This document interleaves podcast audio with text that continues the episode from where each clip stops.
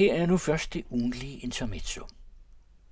Magtfulde folk tilsidesætter rask væk de organer, der fuldt legitimt kontrollerer dem. En påstand, det vil være ønskværdigt at få autoritativt afvist.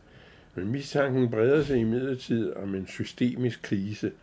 En gruppe københavnske politibetjente, hvis opgave det er at opklare forbrydelser, anholdes for indbyrdes forbundne kriminelle forhold. Varetægtsfængslinger i kritisabel omfang sidder ellers løst i politiets krav til domstolene, men anklagemyndigheden begærede ikke varetægt af betjentene. Sagen var opklaret og afventede kun domsbehandling. Løjerligt. Må en rette myndighed har noteret sig kritikken af de påfaldende mange generøst udmålte varetægtsfængslinger. Mund. En kendt FE-chef blev apropos sat i varetægt i 71 dage efter at være blevet offentligt arresteret og lagt i håndjern af et svært bevæbnet politiopbud. Den pågældende sag kan efter højesteretsdommen ikke føres, uden at anklagemyndigheden bliver til grin og øvrigt taber. Altså opgiver Rigsadvokaten den store skandalesag.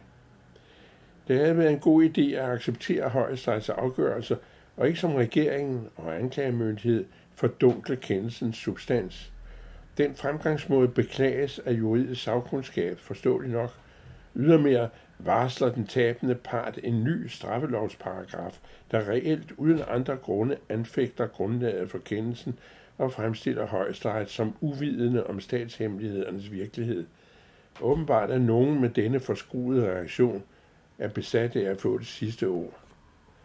Efter højesteretstommerne enstemmigt gjorde det af med fordringen på hemmelige anklageskrifter, står tilbage i skærende kontrast til retsindigheden, anklagemyndigheden og regeringens slet skjulte beklagelse over, at det således udelukkende var højesteret, der forhindrede anklagemyndigheden i at få de tiltalte dømt. Når alt kommer til alt, det mest skandaløse i et rundtosset forløb, det er det, det er. Jamen alligevel, siger myndighederne, og fastholder den mistænkeliggørelse, der ikke matcher præmissen. Hele historien skal nu undersøges. Det tager en helvedes tid. Formentlig så længe, at der i mellemtiden kommer andre sager på bordet, og interessen i en aktuel kritisk stemt offentlighed mindskes. De ansvarlige kan lettet op. Hvis det går så galt, at ansvarsfordelingen ikke forsvarligt afdækkes og ommøblerer regering og embedsværk. Uhensigtsmæssige forvridninger i retsstaten tog fart med daværende statsminister for Rasmussen, der efter ombudsmands kritik for at have diskrimineret dele af pressen kreativt hældte ombudsmanden i havnen. Der var ikke noget at komme efter. Senere fulgte op af Inger Støjberg, der ligevis efter ombudsmandskritik mente, at det var hans mening. Hun havde den modsatte og ville skide på ombudsmanden. Siden kaldte hun sin klokkeklare rigsretsdom et nederlag for Danmark. Det er noget skidt med den slags. Man skal have respekt for kontrolapparatet, også for de dele, der ikke råder over fysiske magtmidler, kun retten og pligten til at afsige dom eller udtale kritik og misbilligelse. Undergravning af staten sker ikke ved, at nogen render rundt og svinger med et palæstinensisk flag, eller et par dyrfer arbejder mindre end de orker og heller vil afle høns. Undergravningen sker, når magtens udøvere skaber disrespekt for kontrolinstitutionernes kendelser og indstillinger.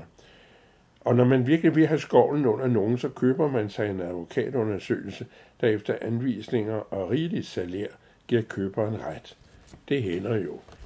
En mand bliver fyret under slet skjult henvisning til, at vedkommende i forbindelse med mandens ansættelse i DR har haft medansvar for overgreb mod medlemmer af det mindreårige pigekor andre anderledes programansvarlige for uden anden lummerhed, og lade koret filme let påklædte i en halvmoden, usmagelig kornmark, suttende på hver sit strå. Det snakker de ikke så meget om. Men herefter kommer på baggrund af advokatundersøgelsen afskedelsen, som nævnte embedsmand, mener er urimelig.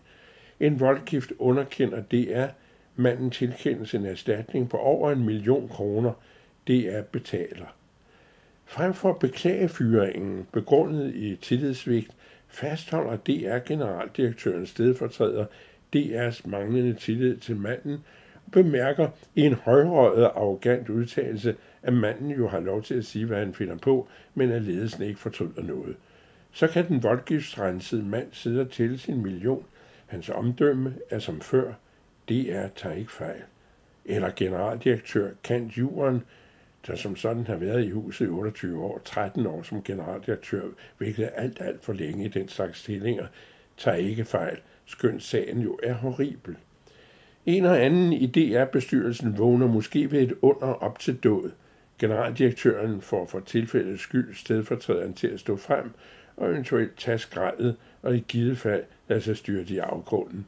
Vedkommende får utvivlsomt, hvis det kommer så vidt, en pæn udtrædelse uden forudgående advokatundersøgelse.